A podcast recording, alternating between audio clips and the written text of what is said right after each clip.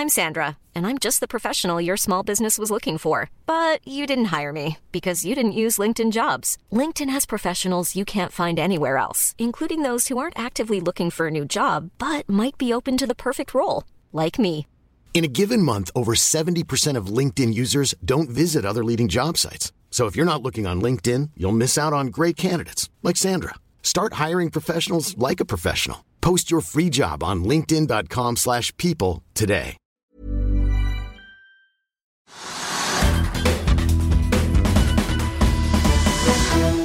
Velkommen til Økonominyhetene onsdag 3. november, der vi i dag har fått besøk av selveste Pål Ringholm i studio. Og vi får også en oppdatering på de ferske boligpristallene og teknisk analyse av Multiconsult. Men først skal vi ta en titt på markedet. Hovedindeksen den er opp ja, nå er den faktisk opp 0,78% etter gårsdagens fall på 0,3. Det skjer til tross for at Nordsjøoljen er ned 1,3% til 82,94 i spotmarkedet. Og et Europa der utviklingen er ganske blandet i dag. Tyskland og Storbritannia er noe ned, mens KAK-indeksen i Paris den tikker litt oppover. Ellers så ser vi at futuresene på Wall Street peker mot en litt blandet start i USA. Vi må ta med Multiconsult, som vi altså får teknisk analyse av. Den aksjen faller 14,7% til litt over 153 kroner etter at selskapet har hatt både kvartalstall og kapitalmarkedsdag i dag. Selskapet leverte et brutto driftsresultat på 94,1 millioner ned fra 148 på, ta, på, samme tid i fjor, og marginen er redusert fra 19,8 til 12,2% Selskapet skriver i rapporten at overgangen fra en pandemipreget arbeidssituasjon til en mer normal hverdag har bidratt til en noe tregere oppstart etter sommeren. Ellers så tar vi også med at SAS melder at de går sammen med Vattenfall, Shell og Lanzatec om å utvikle syntetisk bærekraftig drivstoff.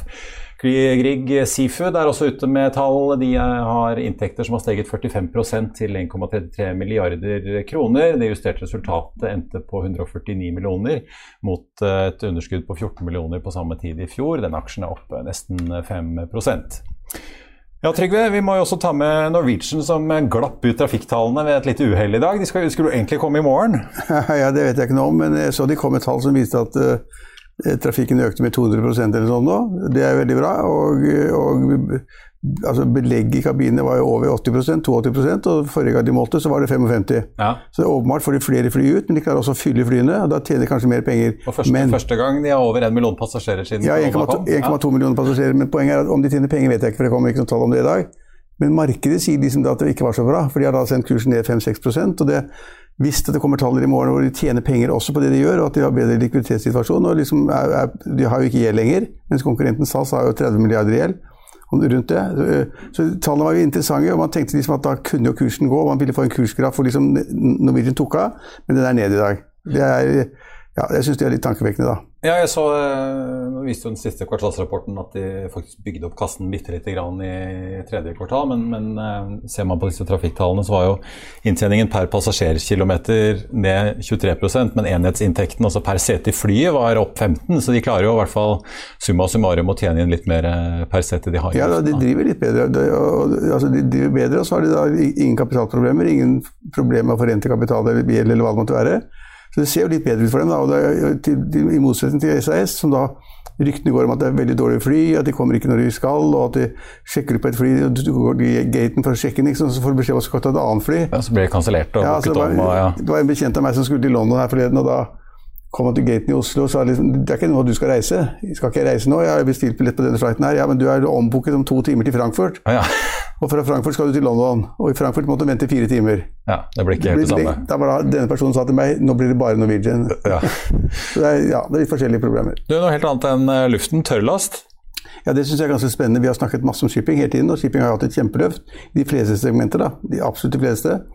Og mange har tjent masse penger. Mange har begynt å trade altså da, skipene, stålet osv. Så, videre. så det er en ganske livlig stemning i mange av segmentene, enten det var containere eller hva det måtte være. Har jeg snakket mye om.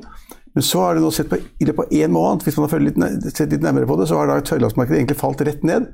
Og uh, Bultic Dry-indeksen, som er på målestokken da, for hvordan, hvordan ratene er, den har liksom falt 10-15% hver uke. Og hvis du går tilbake fire uker, så har da ratene i tørrhetsmarkedet grovt sett da, falt liksom fra 80 til 20 000 dollar per dag. Det er ganske alvorlig. Og hvis man da ser hva som er følgende av det, at da de fire største tørrlandsselskapene, der har kursene falt 30 i samme periode. slik at Og Da kan man lure på hvor, hvorfor er det slik. Altså Hvorfor faller voldtekter? Hvorfor faller raten så kraftig? Er det for mange skip i markedet? Har etterspørselen sunket? Altså er det, er det ikke slik allikevel som verden sier at det er en kjempehandel og alle skal etterlevere og liksom få fart på eh, transportene? Jeg har ikke svaret på det. Jeg bare ser at det er voldsomme svingninger. og Det gjelder alle de store tørrlastselskapene. Og det gjelder et fall systematisk gjennom hele markedet i tørrlast. Da må man forstå hvorfor, og det gjør jeg ikke. Og Derfor kan det også være et signal om at man da kanskje bør holde seg litt unna. At det, kanskje vi har nådd en eller annen form for topp her. At det, at det, kanskje ikke blir så stor internasjonal handel, ikke så mye korn som blir sendt rundt omkring, ikke så mye kull, ikke så mye jernmalm eller hva det måtte være. Kanskje. Så jeg, jeg, har ikke svar, men jeg bare sier at folk må se på tallene. og da, Hvis man da gikk inn på, i Tøylas for en måned siden og tenkte at skal jeg være med på shippingen Være med på denne festen? Den, ja, for det har det jo vært. Ja. ja, det har vært en shippingfest. Og hvis man da sa da at nå skal vi være med, så ville man da falt av et snittsfall på 30% fra 1.10 til nå. Ja. Shipping er syklisk og risikabelt. Kjempeskummelt. kjempeskummelt. Uh, ellers så ser vi at Link Mobility, dette norske selskapet som har vokst uh, kraftig på SMS-tjenester, både fra si, flyselskaper og optikere og det som er uh, levert tall i dag det, Omsetningen er jo veldig opp, men de sliter jo med å tjene penger, da. Aksjen ja, altså, er veldig mye ned i dag. Ja, så kursen er jo da, ja. det er ned 20 tror jeg det har vært sånn, eh, på det meste. og jeg, jeg er jo selskap som har en veldig enkel løsning. Jeg kan ikke selskapet veldig godt, men at de sender meldinger på SMS til deg eller selskapet ditt eller de ja, det er sånn, Nå kan du sjekke inn på flighten din til London. Hva, hva, som, helst, hva som helst. og Det er åpenbart god teknikk, og det er tech-selskap, kan man kalle det. og De øker omsetningen ganske kraftig. Jeg tror de økte med mellom 30 og 40% i tredje kvartal. Men resultatet da var fortsatt underskudd. De taper 40-50 millioner kroner. og Det tror jeg markedet lurer på. Hvorfor er det slik? Hvordan kan du, liksom da, Hvis du er veldig flink, har god ledelse, har en god, tøff eier hvordan kan det da være slik at du selger så mye i løpet av et kvartal? Kjempevekst, og så ikke tjener penger på noe av det. Det tror jeg folk lurer på. og Da har de tenkt at ok, dette vil jeg vite mer om før jeg gjør noe mer. Og så har de kanskje begynt å selge, så det er jo overheng da på selgersiden, og da har kursen vært ned 20 i dag. Ja, kanskje vi får invitere ledelsen eh, til å komme hit? ja. ja. I dag kommer de ferske boligpristallene for oktober, og prisene falt som de pleier i eh, denne måneden av eh, året, med 0,4% men justert for sesongvariasjonene så er prisene opp 0,2 Så det ble altså litt bedre utvikling enn vanlig for oktober. Men er det noe spor av eh, den varslede renteøkningen til Norges Bank, og at folk har drevet med koronaflytting? Vi tok en prat med Eiendom Norge-sjef Henning Lauritzen litt tidligere i dag. Henning, eh, prisene er nå 7% høyere generelt sett enn de var på denne tiden i fjor. Eh, hvordan vil du beskrive markedet nå? Vi har helt klart et marked hvor tolvmånedersprisveksten går nedover og kommer til å fortsette nedover fra de veldig høye nivåene vi hadde under korona. Det tar veldig kort tid å selge bolig, og det er relativt få boliger til salgs, Så eh, det er et litt uvanlig marked på en del måter. Nå er det Trondheim og Bodø og Fauske som eh, ligger med den største oppgangen. Stavanger med den største nedgangen. Begge opp eller ned 1,1. Eh, hva sier egentlig det oss? Nei, Stavanger har veldig ofte en sånn jojo-tendens fra, fra, måned til måned, så, så, det er nok relativt normalt. Det, det kanskje mest unormale er jo Bodø Fauske, som, som, har hatt en kraftig prisvekst. Det er altså 14,9% siste tolv måneder. Og her tror vi det er en del sammensetningseffekter inne i bildet. altså Det er bygd veldig mye nytt, og de nye boligene har mye høyere pris enn den gamle boligmassen. Oslo er det jo veldig mange som uh, følger med på. Prismessig ligger de litt bak uh, resten av landet, landsgjennomsnittet så langt i år. Uh, er det noen rentefrykt ute og går, eller driver folk og selger unna for å flytte, flytte ut på landet? Det er nok flere ting som virker samtidig. Oslo har bl.a. blitt råket av redusert arbeidsinnvandring, som nok også har slått inn på boligmarkedet.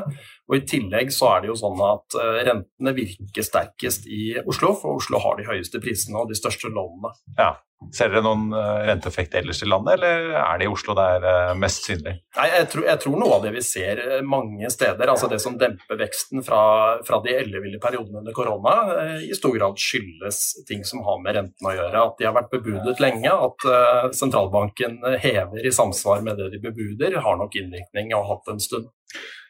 Nå var jo Oslo eh, reneste Klondyke i, fjor. Nå er prisene der opp 5,5% i år. Eh, er det litt sånn overdramatisering å si at uh, nå er det en stopp i Oslo, eller hvordan vil du egentlig beskrive den utviklingen du ser i hovedstaden? Ja, Det er jo helt åpenbart en midlertidig bremt i markedet, men jeg har veldig liten tro på at vi kommer til å se det på lengre sikt. Og allerede til våren så tror jeg vi kommer til å se at markedet kommer mye sterkere tilbake i Oslo. For tilbudsunderskuddet i Oslo, det er der fortsatt, selv om det går litt rolig i øyeblikket.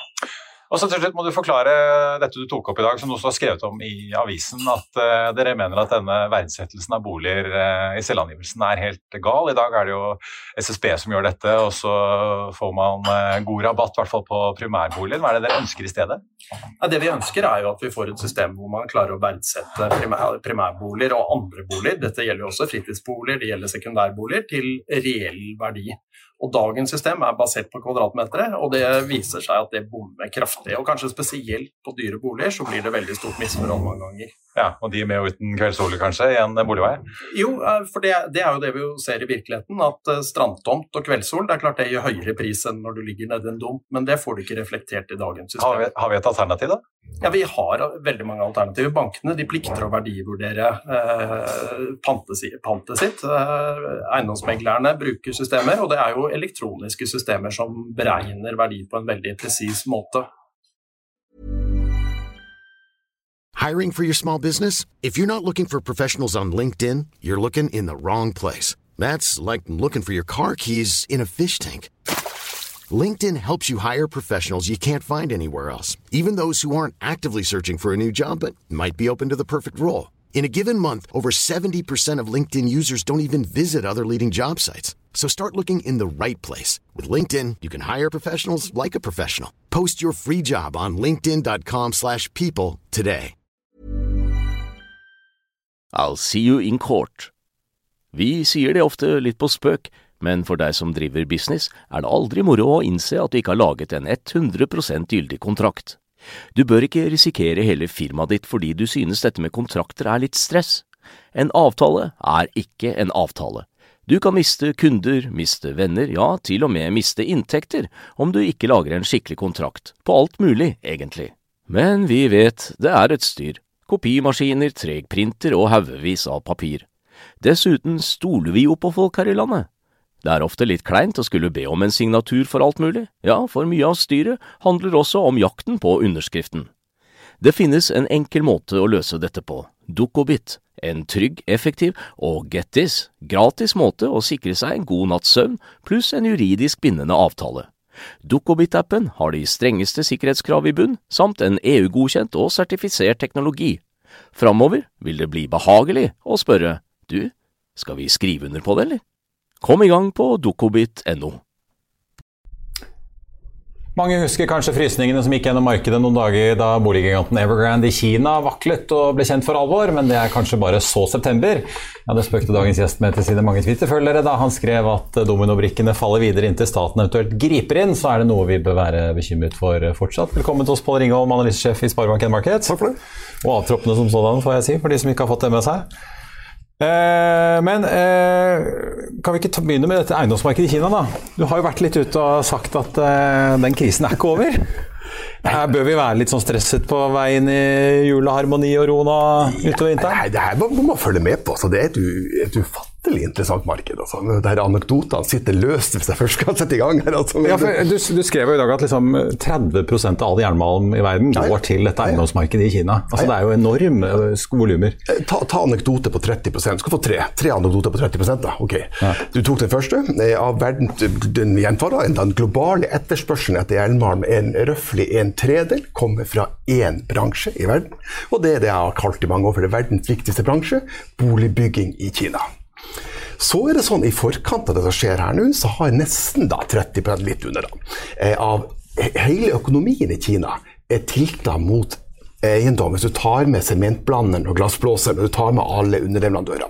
det er høyere enn der Spania var før det sprakk i Spania da, for 12-13 år siden. Ja. Og som ikke det var nok, hvis du tar eh, den økonomiske veksten i verden da, før covid, da, så var nok en gang en tredel. En tredel av veksten i verden kommer fra Kina. Så, du bare tar eh, og drar igjennom Der har du liksom dominobrikken. Ja, ja. Eh, så, så domino, ikke for å være dramatisk, men det er, det er verdt å følge med på. ikke sant? Ja, men Er det en brikke som har falt? Nei. Ingen har falt ennå. Så, så dominobrikke, det, den, den, den, står, alle står. Nei! Det, så, ja, morsomt spørsmål. Ja, fin, fin kommentar, da. Eh, Så, så, så det, allerede i sommer så var det sånn at Evergrande, ikke sant? Eh, verdens mest verdifulle eiendomsselskap da, for, for, for tre år siden på en kåring, så det er jo litt morsomt. da. De klarte ikke å betale sine leverandører. De sa at nei, hør her til sementplaneren, vi klarer ikke å betale dem, vi vil ha en leilighet isteden. Så, de, så de, de problemene har vært der lenge, da. Ja, Men selskapet falt ikke. Eh, Ikke ennå. ikke, ikke formelt. Det falt ikke. Det falt ikke, det gikk ikke konk. det er ikke, nei, nei, nei, nei. Det er ingenting som går konkurs i Kina. vet du, Trygve. Det Nei, er- nei, nei, nei. men skal, men skal vi se, hør her. Hva har vi her? Vi har et selskap på litt røffe estimater, da, men på, en, på 305 milliarder dollar, et sånt fint estimat. Det gjelder bare på Evergrande. ok? Um, Masse skriverier om at de skal selge den ene og all andre aktiviteten, som er verdt gjerne 1% av gjelda, så det betyr ingenting. Eh, hvordan går det med selskapet i det siste? Nei, altså de, de rapporterte jo her for en uke siden, eller måned siden at eh, salget av nye leiligheter hadde falt med 97% så da kan vi jo anta at de ikke får så mye cash inn. så, så problemet er ikke løst. De, de har ikke kollapsa, det har du, du har helt rett i det, selvfølgelig har ikke. Men så har det skjedd, det skjedd følgende. Så har uke for uke har det kommet en ny, eh, et nytt selskap som plutselig får problemer. Sist da, som er Jango heter de, da, eh, på natt til mandag, så er det den 18. største boligselskapet målt etter omsetning da, i Kina, som plutselig ikke klarer å gjøre opp for seg.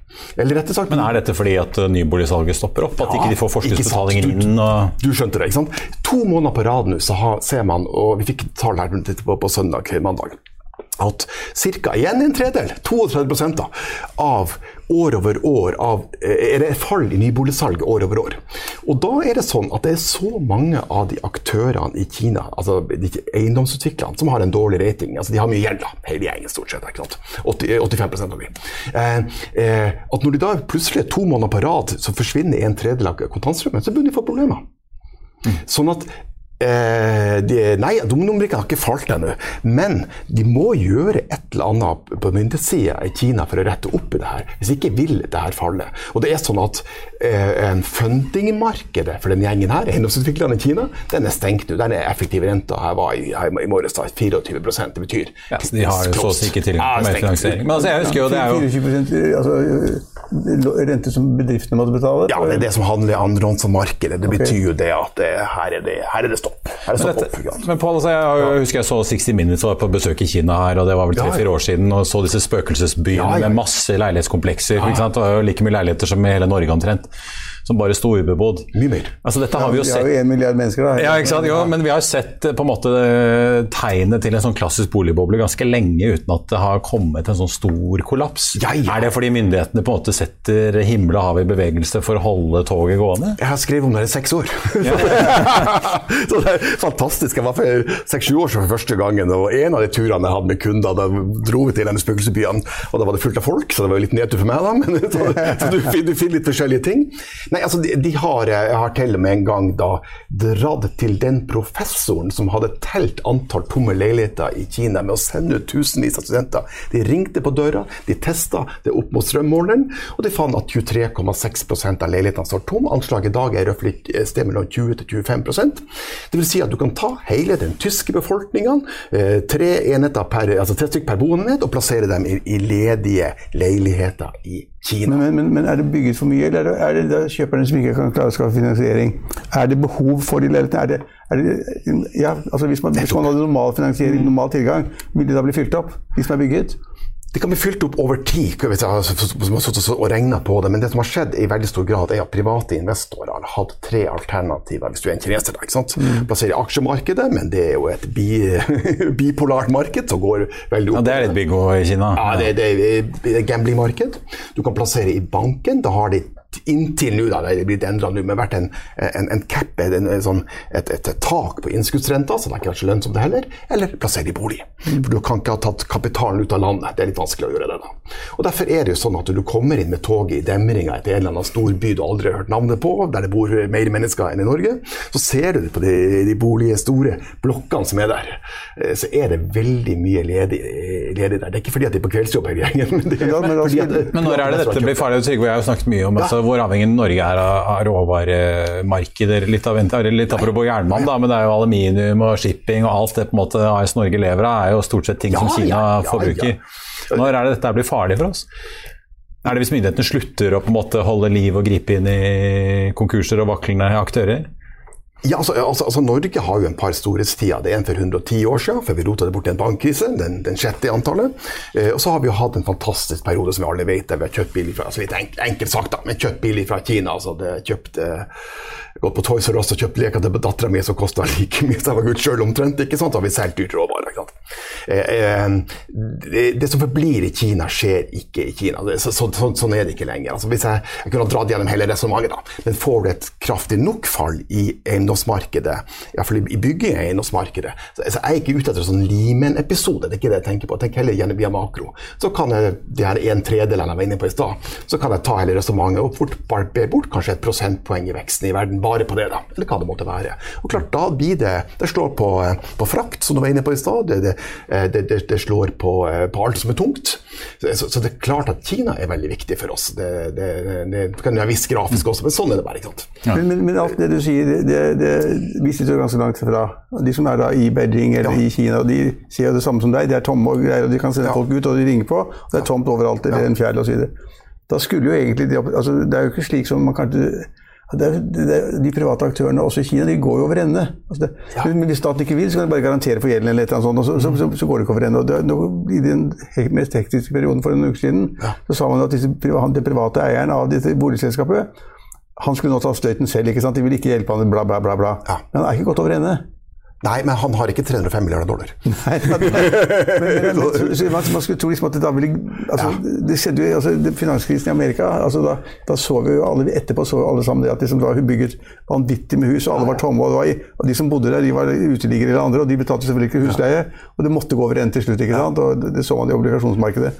Så man, man må tenke seg liksom at på et eller annet tidspunkt så vil det da skje noe mer enn det som skjer nå. Ja og, et, eller annet tidspunkt så skjer det. Bare, så, så trekker seg litt tilbake og bare se på den verden vi lever i. Så har du to store økonomier i verden, USA og Kina. Så bare ta et kort om USA. Der har vi jo nå et marked da, som har en del kjennetegn til tungpsykiatriske trekk. Så, men det, så, altså, det, er veldig eufori da, i en del av markedet. Ikke sant? Du kan tenke bitcoin og hva det er for noe. Men det er jo veldig mye tufta på en opplevelse om at sentralbanken vil berge det. Det var prologen. Så drar vi til Kina. Og, og, hva er det som har vært kjennetegnet i Kina, som hadde fantastisk vekst ikke sant? Det en lang periode? Jo, det er det at eh, du, det er en allmenn tro på at eh, myndighetene kommer til å plukke opp regninga hvis det skjer noe. Og, det, og, det, og når folk flest i Kina eller i USA har den truen altså du, du, du tror at noen, noen vil berge hele tida, så påvirker det atferden deres. Og, og, da gjør de dumme ting som på en eller annen dag får effekt. Så får vi se hvilken dag det blir da. Ja. Du, apropos disse tørr, eh, tørrlastende ratene. I går så kom jo AP Møller Mærs store containerrederi Metall, og toppsjefen der, Søren Skau, sier at han tror dette kaoset med logistikk og, og uh, underkapasitet vil holde seg til i hvert fall første kvartal.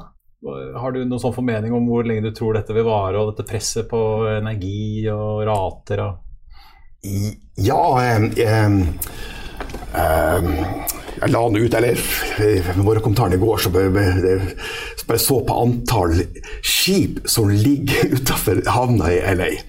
det er tar, mange. Jeg har sett ja, det, ja.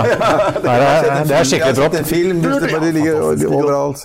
Og det kommer ikke inn. Og det er så mange at du tar Tenk deg tanken, så du har tatt antall containere som ligger på skipene mm. utafor LA, lagt de på rekke og rad, så har du, eh, så kunne, har du en rekke med containere fra Sør-California til Chicago. Så mye ligger det der. Kommer det til å vare for evig? Nei, nei, nei, det gjør jo ikke det. da. Ikke Alle sånne ting går over. Men at det her kan vare ut til neste år, da, det, det, kommer jo til å gjøre det. Men det er jo ikke sånn at vi plutselig Men samtidig er det ikke sånn at verden mangler containere. Det er jo ikke det, da. Nei, vi mangler lastebilsjåfører, sa han i hvert fall, hvert fall i USA og Storbritannia. Ja. Helt riktig. Du har, fantastisk. Du har sett på det. Så, så, så kanskje det som løser opp litt neste år, det at det blir mindre etterspørsel fra konsumenten. Og da er problemet løst. ja. ja, men det er jo containerfarten, da. Det, det er én ting. Men, ja. men hvorfor, hvorfor, faller da tørrlastmarkedet så, så kraftig? Det, har det noe med Kina å gjøre? Du sa andelen av stålproduksjonen. Altså, hvorfor faller tørrlastmarkedet så kraftig at det faller fra 80 000 dollar per dag til 20 i løpet av tre-fire uker? Det er et utrolig fall, og jeg har ikke sett på det, men det er jo, Kina har jo alltid, eller i moderne tid, vært et veldig viktig marked for, Ja. for, det, for det området. Så jeg ville ha trodd noe i den retning der. Og det jeg sa i stad på, bare at jeg sier igjen, altså en tredel av verdens jernmann etterspør seg av én sektor i verden, boligsektoren i Kina. Så hvis den kollapser, altså boligsektoren på en måte går over ende i Kina, så vil det da bli behov for mm, nesten ikke tørrarkiv i det hele tatt av den store klassen. Ja, i, hvert fall, i, hvert- fall mindre, da. ikke Ja, sant? så skal man da ikke Ja. kjøpe Golden Ocean i morgen, eller Bellships, eller Bulk 20, eller hva det heter. Ja, 20-20 bulkers. Men eh, samtidig som alt dette her skjer, så tikket inn eh, på Wall Street Journal her i går at eh, Dow Jones closes above 30 000 for the first time. Nei, 36 000, unnskyld. 36, 36, ja. Ny rekord. Så det er jo litt sånn schizofrent, nesten, virker det som alt det som skjer. da. Tenk på det, hvordan husker det Husker du det? I 1999 så kom det en bok, da. Nei, det husker jeg Og ikke. forsida var Don Jones i 36 000. Og man syntes jo at de forfatterne var jo helt sprø. Hvordan kunne de skrive noe sånt vanvittig? I dag, eller i går kveld, da fikk de rett. Ja. Da fikk de endelig rett. Men hva er det liksom er det, Nå snakkes det om at rentenivået skal opp i sentralbankene. Liksom, Men etterpå- likevel så tikker jo dette her bare oppover oppover. Ikke bare på Dow Jones, men altså Oslo Ja, Børs ja, altså, jo stadig sette rekorder i år. og- La si, la meg si to ting på en gang. da. Eh, Dyre markeder kan være dyre lenge. Det er jo, eh, Jeg kan si det som alle sier da, det er litt, sånn, litt fake da. Det er jo at det er alltid makro. Det må skje et eller annet med syklusen som til slutt tar oss. Det er det klassiske. Det er ikke helt riktig, for markedet kan ta seg sjøl. men men altså, det, det der er det det jeg nevnte i stad. Eh, Det som har skjedd med å senke renta til null, og så når problemet er overbekovet og ikke ta den opp igjen, det har jo medført at boligmarkedet som du var inne på, i USA da, har gått opp 20% år over år. Den største økninga siden andre verdenskrig ved boligmarkedet i USA. Det gjelder mange, mange land.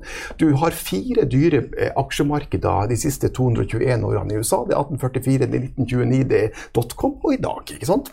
Og Oslo Børs er også dyrt. Det betyr jo ikke at, ikke børsene kan gå 10 til i neste år. ikke sant? Men utfallsrunden begynner å bli ganske skjev hvis du legger en, tidshorisont på tre år. da. Ja. Så er det rentemøte Jo, jo, men, altså, men, men, men, så går jo ledigheten ned, veksten opp, ja, ja. sysselsettingen opp, inflasjonen er Du har fortsatt makro med deg, ikke sant? Du har, du har makro med deg. altså Så lenge du kan ja, låne penger til 1 eller 2% så har du makro med deg. topp. Men det, er- det er liksom, når du betaler 7 eller 3 eller, altså, Jeg husker min glanshistorie på renter, det var jo på slutten av 80-tallet.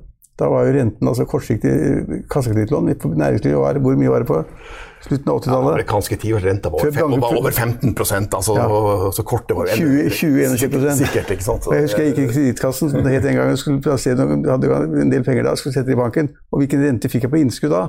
Mens de andre betalte 21% på kassekredittlånene sine, hva fikk jeg på innskuddene mine? Sikkert 18-16. 17 Og det hang jeg på veggen. Ja. Så du kan si at fremdeles låner man penger nå til null eller en eller annen. Ingen går over ende av det. Men til slutt, hva tror, hva, hva tror Ikke, ikke dere ennå, ikke, men går Ikke over ende av det. Altså. Men til slutt, hva tror dere da vår venn Jerome Powell i den amerikanske sentralbanken kommer til å si i kveld? da? Nei, må, de må jo levere på tapering, hvis ikke så mister de mister tillit. Husk på at En av grunnene til at det går som det går, da, det er at vi fortsatt har tillit til den, den gjengen her, altså sentralbank, de ansatte, ansatte i sentralbank, sentralbanken. da. Men er ikke de gode? Eh, Det er jo ikke genial, det finnes jo andre ting. Ja, men, Det- det jo- ja, men de er gode. Ja, men, men, men det er jo veldig rart å ha en sånn tiltro til én offentlig institusjon som verden har i dag. Så de kommer til å levere. De holder på med noe helt vanvittig i dag. De bruker 120 millioner i måneden på å kjøpe papirer. Jeg sier det igjen, altså det boligmarkedet sa jo opp 20 Og hva gjør sentralbanken samtidig? De vil kjøpe boliglånsobligasjoner. Det er absolutt overhodet ikke noe behov for det, og det skal de begynne forsiktig å bygge ned. Eh, det burde de gjort Så du mye venter en nedtrappingsplan fra Maris, ikke, det må det må ikke, ikke avslutt helt enig med å spørre Pål om noe. For at, eh, altså, Pål og hans tidligere partner da, de hadde jo, de har jo en bild, altså, Det er mange av våre seere som ikke er så sofistikerte, men de er ganske enkle. Og et av de forholdstallene som du har sett mye på, jeg har sett mye på, og, eh, og de tidligere kollegaer har sett mye på, det er da prisbok. Ja. Ja, og vi har lært da, ja, over alle år at liksom prisbok, da skal vi kjøpe aksjer når det er liksom prisbok er 1,2 eller 1,1 eller 1,3, eller noe der ja, må man kjøpe. Og når vi kommer over i 2,2, 2,3, 2,4, så skal vi selge. Det har vært læreboken. Ja. Ja, og så var det foredraget du holdt forleden, og som jeg også da, som tall som figurerer, at masse av disse tallene på Oslo Børs og andre steder er nå 2,6, 2,7 og 3. Og 5! Prisbok er 5-6. På en gang, Men skal man ikke da bare selge alt man har? Så jeg vil ha vridd litt om på det finansrådgiverne forteller deg. De vil jo gjerne si at du skal alltid ha aksjer på lang sikt. Jeg ville sagt at skal du ha avkastning på aksjer, så kanskje du skal ha det et år. Kanskje. Who knows, ikke sant? Eh, kanskje ikke. Men skal du ha eh, Tror du at aksjemarkedet gir deg god avkastning i, på tre år? Nei, det er sjansen er ikke, ikke så veldig høy på tre-fire-fem år. Det amerikanske markedet det er, altså Husk på det, det er så dyrt. Du har betalt i dag så mye for framtidig kontantstrøm at du må ta med både morgenbønn og aftenbønn at eh, renta skal forbli null, veksten skal forbli høy jammen samtidig, og det skal være voldsomme investeringer. Alt skal skje på en gang, og det skal ikke bli noen problemer. Det har ikke skjedd før da. Men, så, men, men når prisboka er 2,5 eller 2,6, ja. hvorfor gjør da ikke folk noe? Hvorfor sitter de da igjen og tenker at dette lærte jeg av Pål og andre gode, flinke på TV. På TV. Men, da, da, skal man jo egentlig selge for å komme seg ut i tide. Ja, men, men, men, det, er at, det er vel ikke noe appellerende å sette i renter med, det, med lav avkastning? Det, det, er det ene. Og så har du naboeffekten. Du vil jo ikke at naboen skal bli rikere enn deg. du, du hører om alle som har satt ja, ja, ja, åtte spareplaner i banken og har fast trekk på aksjefond. Ja. Da er det jo vanskelig å, vanskelig å selge da, og, og, for mange, da. Ja. Men jeg, jeg tror ikke å ta ned risikoen du, Du har et lang, mellomlangt det tror jeg er kjempesmart, faktisk. Altså. Mm. Eller kanskje gjøre som alle fondene ha ikke 50-50, men 70-30? Ja, de har jo øh, Oljefondets avkastning blir nødvendigvis ikke så bra framover de ti neste årene, men det kan Nei. være en, en, annen gang. ja, men Sa ikke sjefen for det at uh, verdien ville falle? Ja, det, det håper han har. Han har forstått det han har forstått allerede, han er jo smart mann. ja, både Tangen og forgjengeren har advart oss om det, med både kronekurs og ja, et aksjemarked ja, som kan korrigere seg. Pål, ja. nå har kronene altså da svekket seg igjen og styrket den seg liksom, uke etter uke etter uke, og plutselig så er den da svekket seg ganske kraftig igjen. Er det fordi at Hvorfor? Eh, du, du, du, spør meg ofte om krona. Jeg er ikke noen valutaanalytiker, men jeg sier bare at eh, alle de her søte ESG-historiene som var for noen år siden, den norske krona blir sånn ESG-valuta, det er bare tull. Den har gått veldig mot, mot, mot olje da, de siste ja. to-tre årene. Du ser det under ett. Ja. Det har vært en dominerende effekt. Nå snakkes det om at alle selskapene må kjøpe så mye kroner for å betale skatt. Ja, men Oljeprisen ligger fremdeles på 83 dollar på fat. Ja, det er. Altså, hva, hvorfor det går på en liten periode, det, det vet jeg ikke helt. Altså, men eh, det, det, Går oljeprisen høyere opp, så er det styrken for krona. Det, det tror du, ja. Ja, det tror jeg. Pål Ringham, tusen takk for at du kom til oss. Takk for det. Aker BP melder at Ærfugl fase 2-prosjektet deres i Norskehavet nå er i produksjon. Ifølge konsernsjef Karl Jonny Hersvik er de både foran budsjett og tidsplan. Subsea-satellitten som er koblet til produksjonsskipet Skarv utenfor Sandnessjøen, inneholder tre brønner i fase 1, og det kom tre brønner til i fase 2. og Det forlenger levetiden til Skarv med fem år. Totalt er det investert rundt 8,6 milliarder kroner i prosjektet, som trenger under 15 dollar per fat for å gå i pluss så det er altså meget eh, god butikk der, altså. Ellers eh, så får vi ta med nå at markedene i USA er opp åpne. De eh, faller så vidt ned på Dow Jones, ned 0,2 fra rekorden som vi snakket om, altså, og ligger da igjen under 36 000 poeng. SMP 500 og Nasdaq ligger rett rundt null. House of Control melder at de nå har gjennomført oppkjøpet av Keyforce Group, som ble annonsert tidligere i oktober. Ellers så får vi ta med at hovedindeksen nå ligger oppe 0,6% bl.a. takket være oppgang i Equinor Yara og Norsk Hydro. Det er eh, tungt for Link Mobility og Multiconsult-aksjonærene i dag. Link er ned 21% mens Multiconsult er ned 15% etter at de to slapp tallene sine. Grieg Seafood ligger opp 4,6% etter deres tallslipp. I Finansavisen i morgen kan du lese Trygve Hegnars leder om at vi har passert en million pensjonister her i landet, og at vi derfor må bake mer kake. Du kan lese om et nytt selskap som tidligere frontline-sjef Robert Wide McLeod satser på, og du kan lese om sjeføkonomen i Svedbank som mener markedet priser inn for mange renteøkninger. Det var det vi hadde for i dag, men vi er tilbake i morgen klokken 15.30. Takk for at du så på, og så håper jeg vi ses igjen da.